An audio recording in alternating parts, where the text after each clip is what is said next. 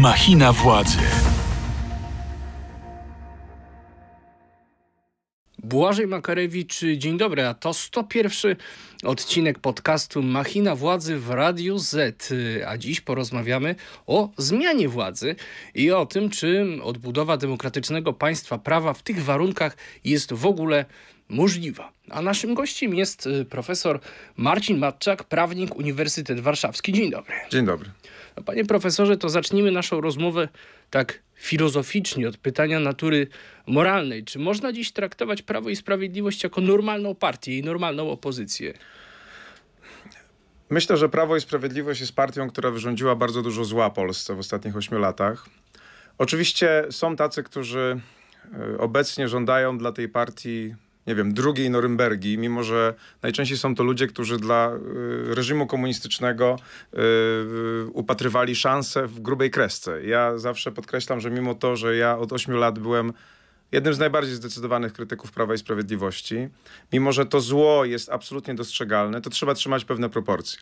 Kiedy słyszę, że trzeba zdelegalizować e, Prawo i Sprawiedliwość jako partię faszystowską, to myślę, że to jest daleko idąca przesada. Co więcej, takie sytuacje najczęściej są wzmocnieniem. E, w związku z tym uważam, że Prawo i Sprawiedliwość, mimo ewidentnych tendencji autorytarnych, które ma, które się przejawiły w ostatnich ośmiu latach znacząco w rozmontowywaniu trójpodziału władzy, jest partią, która ma prawo w Polsce funkcjonować, jest partią, która reprezentuje bardzo dużą grupę naszych obywateli. Gdzie indziej trzeba szukać naprawy tego, co się zdarzyło. E, trzeba zastanowić się, dlaczego partia, która głosi takie jednak autorytarne e, poglądy, ma takie poparcie.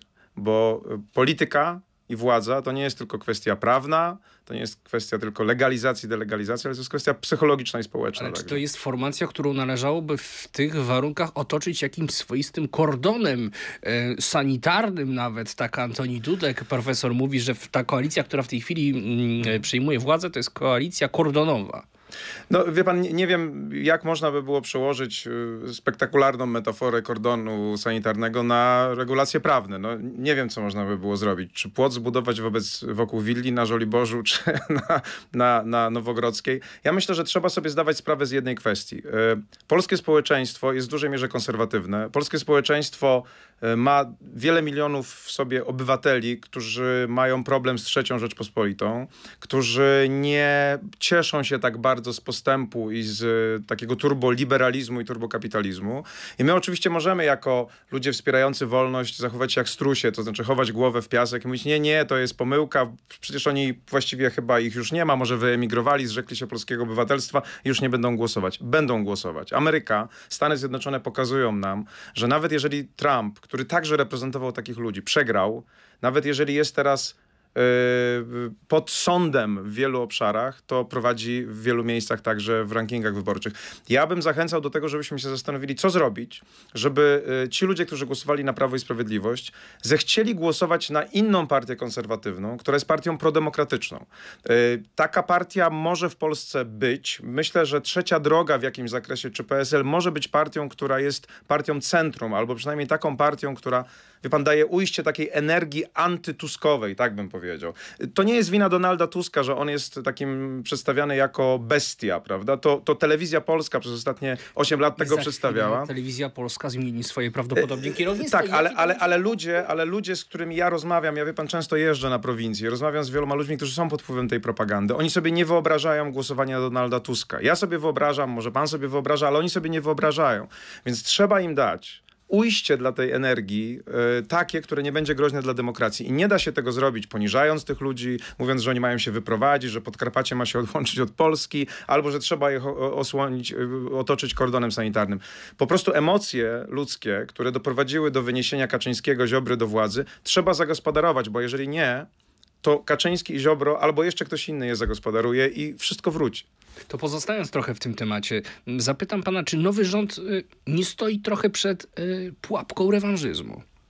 Z całą pewnością, dlatego że y, i to jest zrozumiałe, jest cała masa w Polsce ludzi, którzy naprawdę wycierpieli przez ostatnie 8 lat. Byli nękani, byli obrażani, byli dehumanizowani, y, niszczono prokuratorów, niszczono sędziów i wie pan, ja nie przesadzam z tymi słowami. Jeżeli y, przesłuchuje się ciężarną żonę sędziego Żurka, jeżeli przenosi się prokuratorów, którzy mają chorych, starszych rodziców 400 metrów, 400 kilometrów od miejsca zamieszkania, to to jest straszne. Po prostu to jest straszne. Więc emocje są bardzo duże i jest potrzeba rewanżu, jest potrzeba czegoś w rodzaju zemsty. Ja ostatnio zacytowałem w duchu tych dyskusji Marka Aureliusza, który mówi, że najlepszą zemstą jest odróżnić się od tego, kto wyrządził nam krzywdę.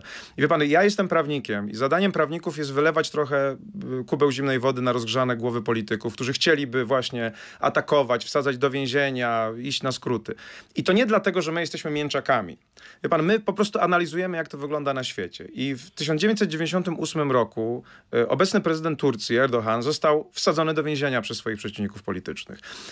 I on wyszedł z tego więzienia. I to nic nie pomogło, dlatego że później wygrał wybory i już nie brał jeńców i wiemy, co się stało, prawda? Mamy w związku z tym doświadczenia takie, które pokazują, że proste rozwiązanie sprawy, wszystkich ich wsadzić do więzienia, to jest półśrodek, dlatego że dalej są ludzie, którzy jeżeli nawet Xa się wsadzi do więzienia, wybiorą sobie Y, który będzie ich reprezentował. To może dać y, telewizję y, polską, kanał drugi na przykład nowej Chyba no, opozycji, no, jak to proponuje Jacek Żakowski. Ja, szczerze mówiąc, nie, nie, nie, nie słuchałem tego wywiadu i nie wiem, czy to nie zostało wyrwane z kontekstu, czy nie, ale jeżeli chciałbym w pewnym sensie hojnie zinterpretować to, co mówi pan dyrektor Żakowski, to to jest interpretacja następująca. Ci ludzie tutaj są. Mamy w Polsce 7, 8, może 9 milionów ludzi, którzy boją się postępu, którzy są konserwatywni, którzy są religijni w dużej mierze i naprawdę najgłupszą strategią jest wyśmiewać tych ludzi. Najgłupszą strategią jest robić to, co robią niestety niektóre elity. Ja ostatnio czytałem artykuł, w którym pan redaktor Piotr Pacewicz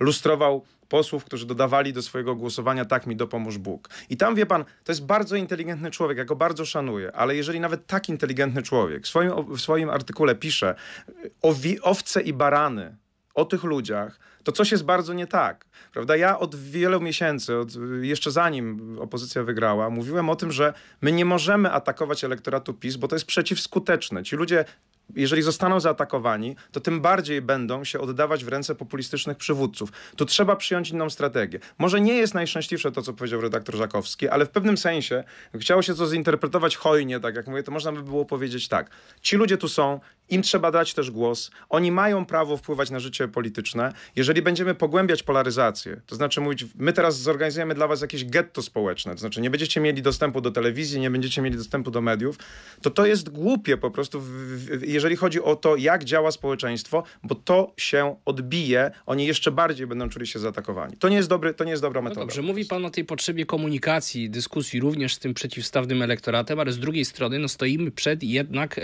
całym ciągiem zdarzeń, zdarzeń związanym z odkręcaniem pewnych daleko idących zmian e, państwowych, e, jakie stały się udziałem Prawa i Sprawiedliwości. No a ta nowa rzeczywistość polityczna pokazuje nam na przykład, że jeśli chodzi o odkręcanie poprzedniego systemu, e, to nie we wszystkich aspektach będzie tak różowo. No bo na przykład telewizja publiczna. Tutaj Radia, Rada Mediów Narodowych powołuje się na uchwaloną kadencyjność. Tak.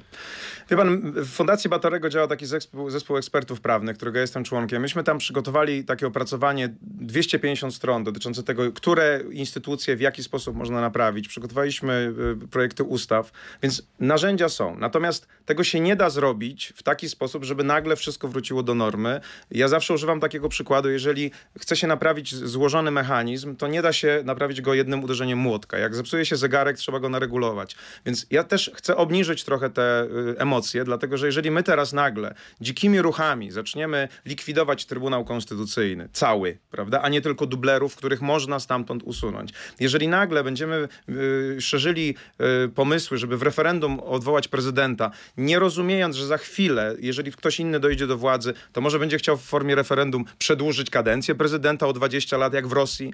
Y, w związku z tym musimy się trochę uspokoić i musimy na to spojrzeć w, w, w, jakby w takim aspekcie, chcemy naprawiać, a nie przeprowadzać rewolucję. Proszę mi wierzyć, że państwo może działać, nawet jeżeli część tych instytucji jeszcze jest trzymana przez ludzi Prawa i Sprawiedliwości. Historia nas uczy, że w takich sytuacjach sytua jakby uciera się politycznie układ. Prezydent Roosevelt, jak w latach 30. wygrał wybory, miał przeciwko sobie Sąd Najwyższy. To trochę tak jak teraz opozycja wygrała wybory i ma przed sobą, przeciwko sobie e, Trybunał Konstytucyjny. Był tak wkurzony na ten sąd, dlatego że co uchwalił, to ten sąd mu uchylał. Tam było takich czterech konserwatywnych sędziów, czyli to teraz tak jak, nie wiem, Krystyna Pawłowicz czy Stanisław Piotrowicz, powiedzmy, będą wszystko uchylali. Prezydent się wkurzył i powiedział, że on zaraz zmieni ten sąd, prawda? Wprowadzi tam dodatkowych ośmiu sędziów. Wszyscy go skrytykowali, bo jakby wiara w działalność instytucji jest tak mocna w Stanach Zjednoczonych. On się o, zrobił krok wstecz, ten sąd zrobił krok wstecz i New Deal, który był wcześniej kwestionowany, wszedł w życie.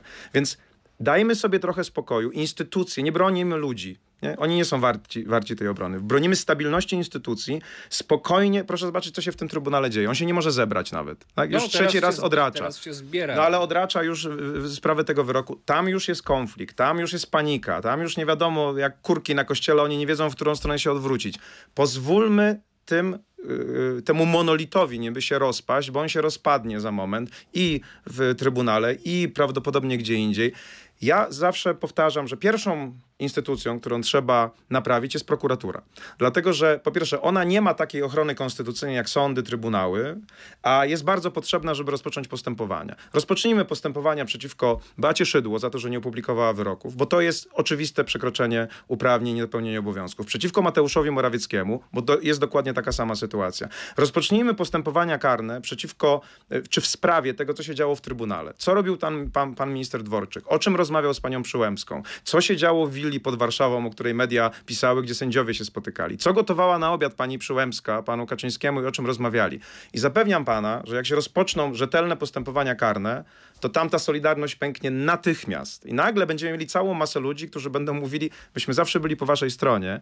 Będzie e, pan Muszyński, otworzy swój kajecik, który prowadzi i powie, że on ma wszystko zanotowane i chętnie będzie zeznawał to nie są ludzie o żelaznych kręgosłupach. To się rozpadnie. Natomiast jak zaatakujemy instytucje, to teraz jak przyjdzie nowa władza, to ona też ją zaatakuje i Trybunał Konstytucyjny, sądy zmienią się w spółki Skarbu Państwa. To znaczy ten, kto wygra, będzie je obsadzał. To jest właśnie więc, ta pułapka rewanżyzmu. Tak, więc chrońmy stabilność instytucji, a prowadźmy postępowania przeciwko funkcjonariuszom tego reżimu, którzy prawdopodobnie dopuścili się przestępstw. Moim zdaniem to jest najlepsza mieszanka. Dobrze, panie profesorze, to krok po kroku, bo ja rozumiem, że nie sposób w tej chwili w naszej krótkiej audycji streścić 250 stron raportu Batorego, którego jest pan współautorem. E bardzo czytelnie dla naszych słuchaczy, dla naszych widzów, krok po kroku, jak powinna w tej chwili wyglądać naprawa państwa i praworządności? To najpierw zasada, która powinna nami kierować. Podstawowe problemy, które spotkaliśmy w ciągu ostatnich 8 lat, to sytuacja, w której władza polityczna, Sejm, prezydent atakuje niezależność władzy sądowniczej. Najpierw to był Trybunał Konstytucyjny, później to był KRS, później to był Sąd Najwyższy. I teraz, teraz władza polityczna musi to odkręcać, ale oczywiście to odkręcanie oznacza też ingerencję, bo na przykład trzeba kogoś odwołać, trzeba coś zlikwidować. I teraz podstawowa zasada prawnicza jest taka, że władza polityczna, czyli pierwsza i druga, może ingerować w y, sytuację władzy trzeciej, o ile sama władza trzecia wydała wyroki, na podstawie których można działać. Tak nie było 8 lat temu, bo jak pan Kaczyński i spółka odwoływali wybór sędziów, czy unieważniali wybór sędziów do Trybunału Konstytucyjnego, to robili to na podstawie swojego widzimisię, a nie wyroku y, sądu. Teraz, jeżeli nowa władza odwoła uchwałą dublerów, to nie będzie to, tego robiła na podstawie swojego widzimisię, bo ma wyroki. Ma wyroki jeszcze legalnego Trybunału Konstytucyjnego kierowanego przez profesora Rzeplińskiego. Ma wyrok ETPC w sprawie Xeroflor, który mówi, że to jest źle obsadzony sąd. Więc zasada jest taka. Władza polityczna teraz może robić wszystko, na co ma glejt od władzy sądowniczej, czyli wyroki. Czyli może odwołać dublerów, ale nie może odwołać Krystyny Pawłowicz i Stanisława Piotrowicza, mimo że mamy podejrzenie, że byli w zbyt zaawansowanym wieku, żeby być y, w Trybunale, bo nie ma na to wyroku. Można doprowadzić do tego, żeby ich usunąć z Trybunału, ale trzeba uzyskać na to wyrok, na przykład w postępowaniu dyscyplinarnym. No i znowu ktoś powie, proszę pana, to jest nierealne, bo tam ręka ręka myje. No nie, to nie jest tak do końca, bo już w tym roku był wniosek o uchylenie immunitetu pani Pawłowicz, pan poseł Trela chciał ją pozwać i ona ocalała, nie uchylono jej jednym głosem, 7 do 6. Przed wyborami jeszcze. A teraz, kiedy tam się rozpadnie ta solidarność, może być różnie.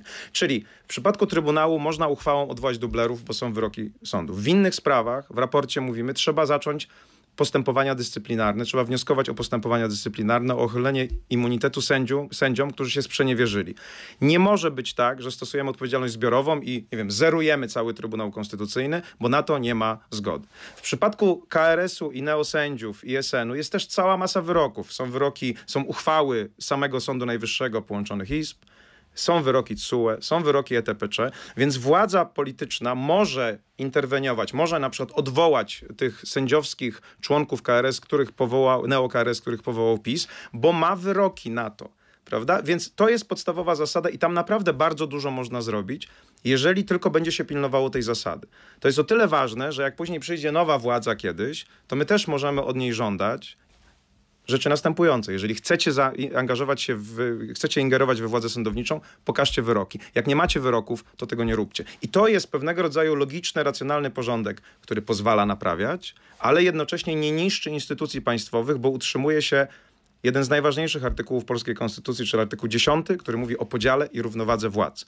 Więc to jest droga, to jest generalnie zasada, którą my w tym raporcie przedstawiamy. Czyli nie obawia się pan tego, że w tym procesie naprawy państwa, odbudowy praworządności, nowa władza otrze się o jakieś autokratyczne zapędy? Proszę pana, obawiam się, dlatego do pana przychodzę, dlatego piszemy te rzeczy i dlatego mówię, narażając się ludziom, którzy jeszcze trzy miesiące temu bili mi brawo za wszystko, co powiedziałem, a teraz cztery dni po wyborach powiedzieli, że jestem pisiorem, a co najmniej ukrytą opcją pisowską. Mhm. Dlatego, że każdy, wie pan, w polaryzacji jest tak, że albo pan jest z kimś, albo pan jest przeciwko komuś. I z tym trzeba skończyć. To nie jest tak, że redaktor Żakowski czy pani redaktor Wielowiejska, którzy mówią rozsądnie, słuchajcie, ci ludzie tutaj są, będą z nami żyli, trzeba spojrzeć na nich innym okiem niż oni spoglądali nawet na nas, że oni są opcją pisowską. To są sensowni, rozsądni ludzie, którzy mówią, słuchajcie, jeżeli nakręca się spirala nienawiści, to, to demokracja upada. Myśmy ten raport w Fundacji Batorego, wie pan, napisali y, dzięki wizycie profesora Samuela Isacharowa. To jest wybitny znawca tak zwanych kruchych demokracji na świecie, który pracuje na New York University. Myśmy go zaprosili i on powiedział tak, ja obserwowałem takie sytuacje jak w Polsce. I najgorszą rzeczą jest sytuacja, w której na bezprawie odpowiada się bezprawiem. Widziałem takie sytuacje, takie demokracje upadają. On powiedział wtedy, jak oni przegrają wybory, to idźcie na piwo, pocieszcie się tym i zacznijcie budować legalną Polskę, dlatego że jeżeli przede wszystkim będziecie chcieli im dokopać, a zwłaszcza ich elektoratowi, to wpadniecie w taką spiralę nienawiści. To nie jest łatwe psychologicznie, bo w ludziach jest ogrom frustracji, to jest zrozumiałe. Y, tamta strona bardzo atakowała, dehumanizowała. Po prostu... Chociażby przez, poprzez media publiczne. Oczywiście tak, ale to też, jak pan słusznie powiedział, jeżeli to się zmieni, to ta komunikacja publiczna także wiele naprawi. Y, ryba psuje się od głowy, a teraz od głowy się musi naprawiać, prawda? W związku z tym potrzebujemy ludzi, którzy powstrzymają te złe emocje, będą działali zgodnie z prawem, będą rozliczali to, co można rozliczać, ale tak jak powiedziałem, skupią się na funkcjonariuszach, a nie na elektoracie i co najważniejsze, pokażą temu elektoratowi, jakie zło tam miało miejsce. To jest naprawdę ważne, żeby to wszystko ujawnić. Przez, dlatego komisje śledcze są dobrym pomysłem. O właśnie, prawda? o to chciałem zapytać, bo mm, powstaną teraz trzy komisje śledcze. E, w przyszłości niewykluczone, że powstaną także kolejne. No a wcześniej, jak dobrze pamiętam, mówiło się o takiej jednej komisji prawdy i sprawiedliwości, która by miała całościowo rozliczyć okres rządów PiSu. Czy to nie był lepszy kierunek? Czy w tej chwili ta odpowiedzialność i te procesy nie rozmyją się? Pan, nie. Myślę, że to jest chyba lepsze rozwiązanie, kiedy mamy konkretny problem, który ludzie mogą zidentyfikować, bo wszyscy słyszeli o wyborach kopertowych, wszyscy słyszeli o Pegasusie, prawda? To jest coś, co moim zdaniem jest akurat mądrym rozstrzygnięciem, ponieważ e, w prawie znowu jest tak, że nam się wydaje, że zbrodnia jest oczywista, w związku z tym kara także jest oczywista. I często politycy robią tak, że zanim publiczność, zwłaszcza ta, która wspierała swoich bohaterów, zrozumie i będzie musiała przyznać, że była zbrodnia, to już jest kara. I wtedy oni to, na to patrzą jako na zemstę polityczną. Ja mam nadzieję, że te y, komisje, one pokażą rozmiar zbrodni, prawda? Pokażą publicznie, co się stało, jak pieniądze zostały zmarnowane, jak posłuchiwano opozycję i wtedy tym ludziom będzie trudniej potraktować to jako zemstę. To jest naprawdę bardzo istotne, żeby pokazać, na czym polegała zbrodnia i żeby dopiero później była kara. I jeszcze raz podkreślam, to naprawdę nie jest naiwne. Jeżeli się popatrzy na wielkie takie konflikty społeczne, no nie wiem, nawet na, Republik na RPA i sytuację apartheidu, to proszę mi wierzyć, jak Mandela doszedł do władzy później, po, po tym wyjściu z więzienia po 27 latach, nie po 8, po 27 latach, to jemu dlatego w miarę udało się wyjść z tego problemu, że nauczył się literalnie języka swoich przeciwników. My nie potrafimy się nauczyć tego języka. My właściwie jesteśmy tak e, zdenerwowani tym, co się stało, że my właściwie szerzymy, e, my odpowiadamy takim samym, e, taką samą nienawiścią, taką samą obelgą. Musi opaść ta polaryzacja. PiS chce, żeby Polacy się nienawidzili. Każda, każde dołożenie kamyczka do tego, każde wyzwanie drugiej strony, od ciemnogrodu, od zabobonów, od, ciem, od prostaków, to jest woda na młyn Kaczyńskiego i Ziobry. Tak to działa po prostu. Jan Werner Müller, który bada populizmy, mówi: Populista zawsze przekonuje, że w kraju jest prosty, zdrowy lud i zepsuta elita, która chce go zaatakować. Taką elitą byli kiedyś lekarze, 2005-2007, później sędziowie, prawnicy, e, rezydenci, prawda, medyczni. Jeżeli teraz ta elita właśnie mówi tym ludziom, tak, jesteście zabobonem, jesteście ciemnogrodem, jesteście prostakami, to spełnia się przepowiednia Kaczyńskiego. Oni mówią, no przecież tak mówił pan prezes. I to wzmacnia pana prezesa. Trzeba z tym skończyć. Polaryzacja jest przedsionkiem do autorytaryzmu. W związku z tym nie możemy grać w tę grę. Po prostu nie możemy grać w tę grę. I PiS jest dalej ugrupowaniem, które cieszy się przecież najwyższym poparciem społecznym w Polsce, mimo tego, że nie będzie kontynuować swoich rządów.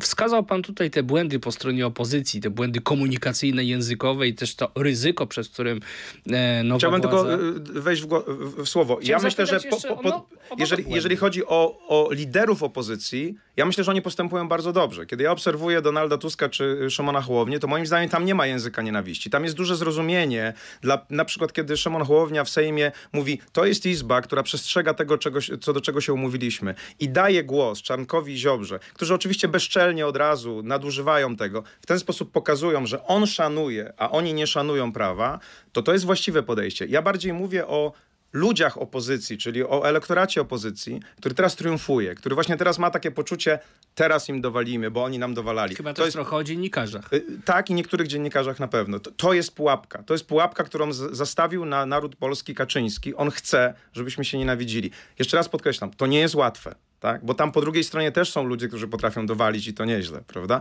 Trzeba to przezwyciężyć. A były jakieś błędy w ciągu tych ośmiu lat po stronie opozycji, które pańskim zdaniem wpłynęły na to, że PiS dalej cieszy się tak wysokim poparciem? Czy tutaj raczej nie widzi pan jakiegoś związku przyczynowego? Nie, wie pan, to jest tak, że procesy polityczne to są, no może nie takie jak geologiczne, że trwają długo, ale to nie jest tak, że popełnia się jeden błąd i nagle coś się dzieje. Ja myślę, że to, co się stało to znaczy dojście do władzy PiSu, tak jak dojście do władzy Trumpa, czy tak jak dojście do władzy Orbana, to jest efekt wielu czynników. To znaczy sytuacji, w której ludzie w, w, konkretnych państwach osiągają pewien dobrobyt, y, już nie doceniają takich wartości jak wartości liberalne. Co, za, co, co, więcej, te wartości zaczynają ich trochę wkurzać w pewnym momencie, bo uważają, że już nie chcą. jest za dobrze? Y, w pewnym sensie tak, ale nie wszystkim jest też za dobrze. Jest dosyć duża różnica. W związku z tym, ponieważ niektórym jest lepiej, to pojawia się resentyment, dlaczego mnie jest gorzej. W związku z tym może jak ktoś przychodzi wtedy populistyczny i mówi, tobie jest gorzej, bo oni cię oszukali, no to to pada na podatny grunt.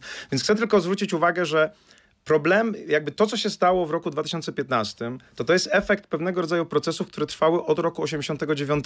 To znaczy wejścia Polski na drogę liberalną, nieraz nawet turboliberalną, yy, niezrozumienia tego, że pozostaje część społeczeństwa, której wcale postęp się nie podoba, której Europa się nie podoba, brak zarządzania obawami, prawda, tylko stwierdzenie, skoro wam się nie podoba, to jesteście ciemnogrodem.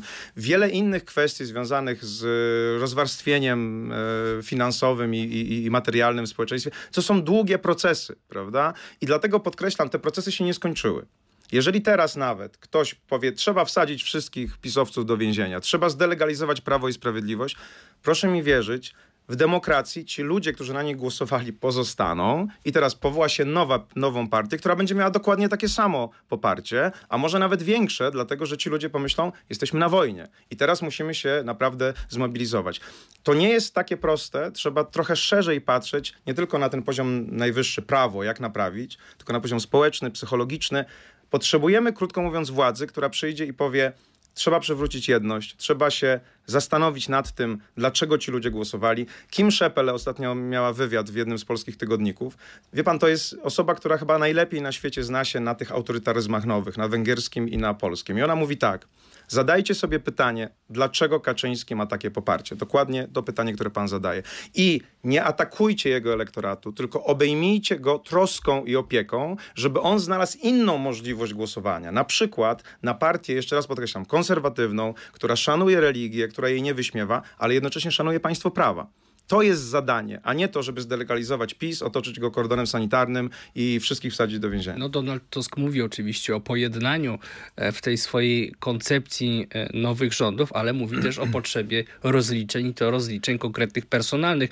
Kto powinien stanąć przed Trybunałem Stanu i co w tym wypadku jest możliwe w tych realach, realiach prawno-politycznych, w których jesteśmy? No to są dwa osobne pytania. Ja już powiedziałem, bo chciałbym też y, wyraźnie pokazać, że można głosić te wszystkie y, idee związane z nieatakowaniem elektoratu, a być naprawdę twardym wobec funkcjonariuszy. Wie pan, dla mnie jako dla prawnika nie ulega wątpliwości, że y, i pani Beata Szydło, jak powiedziałem, i pan Mateusz Morawiecki, nie publikując wyroków Trybunału Konstytucyjnego, popełnili przestępstwo konstytucyjne, które dla mnie jest usiłowaniem zamachu stanu.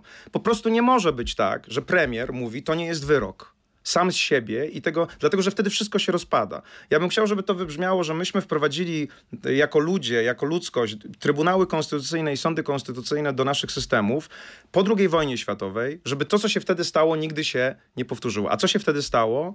Większość uznała, że może zaatakować mniejszość. I ja wiem, że w Polsce nie ma czołgów na ulicach jeszcze, ale ja nie chcę na to czekać. Tak? Jeżeli będziemy mieli premiera, który będzie uważał, że bezkarnie może nie opublikować wyroku sądu, to nic nie ma sensu. Dlatego i pani Beata Szydło, i pan Mateusz Morawiecki muszą być poddani postępowaniom albo karnym, albo postępowaniem przed Trybunałem to Stanu. zamach stanu, pan powiedział. Ja uważam i naprawdę, proszę mi wierzyć, ja bardzo dokładnie dobieram słowa. Jeżeli władza polityczna nie liczy się z sądem, jeżeli chce go zniszczyć, to to jest zamach stanu. Tak, nasza konstytucja jasno mówi, że nasz ustrój jest oparty na równowadze i podziale, podziale władzy. Jeżeli pani Beata Szydło tego nie rozumie, to niestety musi ponieść konsekwencje. Moim zdaniem prezydent Duda zasługuje na Trybunał Stanu. Ja wiem, że postawienie go przed Trybunałem Stanu jest właściwie obecnie niewykonalne, ale to też trzeba powiedzieć i to też trzeba pokazać. Nie może być tak, że prezydent, który jest władzą polityczną, nagle przychodzi mu do głowy, żeby zlikwidować Sąd Najwyższy. Bo przecież taki był skutek, mimo że on zawetował to, co zrobił Ziobro,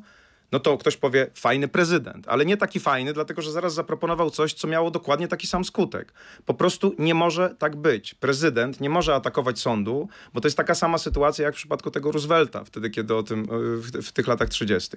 Krótko mówiąc, są zbrodnie, moim zdaniem niewątpliwe, ale styl ich rozliczenia, którego elementem jest też pokazanie drugiej strony, dlaczego to robimy, że to nie jest zemsta, jest absolutnie kluczowy, żeby to miało długofalowy sens. I bardzo ważne jest to, żeby władza obecna tłumaczyła wszystkim, dlaczego to, co robi, jest legalne. Czyli na przykład, żeby mówiła, jak Kaczyński odwoływał sędziów powołanych przez PO i PSL, nie miał wyroku sądu. A my mamy. To jest różnica, którą chcemy wam wszystkim pokazać, żebyście rozumieli, że nie działamy na podstawie naszego widzimisię politycznego, tylko szanujemy podział i równowagę władzy. To na koniec, panie profesorze, czy dostrzega pan potrzebę jakichś zmian w konstytucji? Proszę pana, ja to to pytanie trafia do mnie mniej więcej raz na tydzień. O. I ono wyraża takie przekonanie. Nie popisałem ja się. Nie, nie, ale ja się bardzo cieszę, dlatego że ono wyraża takie zaufanie do prawników. To znaczy, że jak my na przykład, nie wiem, napiszemy projekt zmiany konstytucji i się zmieni ten dokument, to zmieni się rzeczywistość. Proszę pana, to jest myślenie życzeniowe. Konstytucja jest też w sercach i w umysłach ludzi. To znaczy, konstytucja ma być czymś, ma być zapisaniem wartości, które nas łączą. I teraz my możemy zapisać wszystko. Proszę mi wierzyć, że jest na świecie, w jednym z krajów, piękna konstytucja, która ma wszystkie wartości, które jakby pan przeczytał, mógłby pan się rozpłakać nad, ten, ten, nad nimi. No już tacy bywali. To jest konstytucja Rosji. Tak? Ona jest fantastyczna na papierze, natomiast w ogóle nie działa w rzeczywistości. My musimy się zastanowić, co zrobić, żeby na przykład zasada ochrony godności człowieka nie była tylko w konstytucji, ale była w życiu publicznym, żeby była w życiu prywatnym. Co zrobić, żeby zastanowić się nad tym, czy czasami niektóre pomysły Prawa i Sprawiedliwości, na przykład 500, nie miały charakteru progodnościowego w rzeczywistości i dlatego ludzie na PiS y, głosowali. Ja mogę krytykować PiS za praworządnościowe sprawy, bo tutaj moim zdaniem oni naprawdę dokonali, chcieli dokonać zamachu stanu i prawie im się udało. Natomiast uważam, że ich działania dotyczące godności ludzkiej są realizacją konstytucji, o której nieraz opozycja w przeszłości zapominała. Więc tu chodzi o to, to pytanie należałoby zadać tak. Co mamy zrobić, żeby wartości konstytucyjne, tak jak równość, godność, były w życiu, a nie na papierze, prawda? A później, ewentualnie, jak już będą w życiu, to możemy zastanowić się, no, które można by było jeszcze wydobyć i do tego dokumentu wpisać. I trochę takich rzeczy jest. Można by było prokuraturę tam wpisać do tej konstytucji, prawda? Ale proszę mi wierzyć, że jeżeli naród się wkurzy na swoich rządzących, to papier konstytucji takiego narodu nie powstrzyma. I to trochę widzieliśmy w ostatnich ośmiu latach, bo papier jest zbyt słaby, żeby gniew ludzi utrzymać. Trzeba dbać o to, żeby ta konstytucja była w ludziach i w ich działaniu i wtedy będzie w miarę sensowny spokój społeczny. Dziękuję bardzo, panie profesorze. Gościem e, Machiny Władzy w Radiu Z był profesor Marcin Matczak, prawnik, Uniwersytet e, Warszawski. Ja zachęcam do subskrybowania kanału Radia Z na YouTube, do łapek w górę i do komentowania naszej e, dyskusji. Bardzo dziękujemy za uwagę i do zobaczenia w kolejnym odcinku. Machina Władzy. Więcej podcastów na player radioz.pl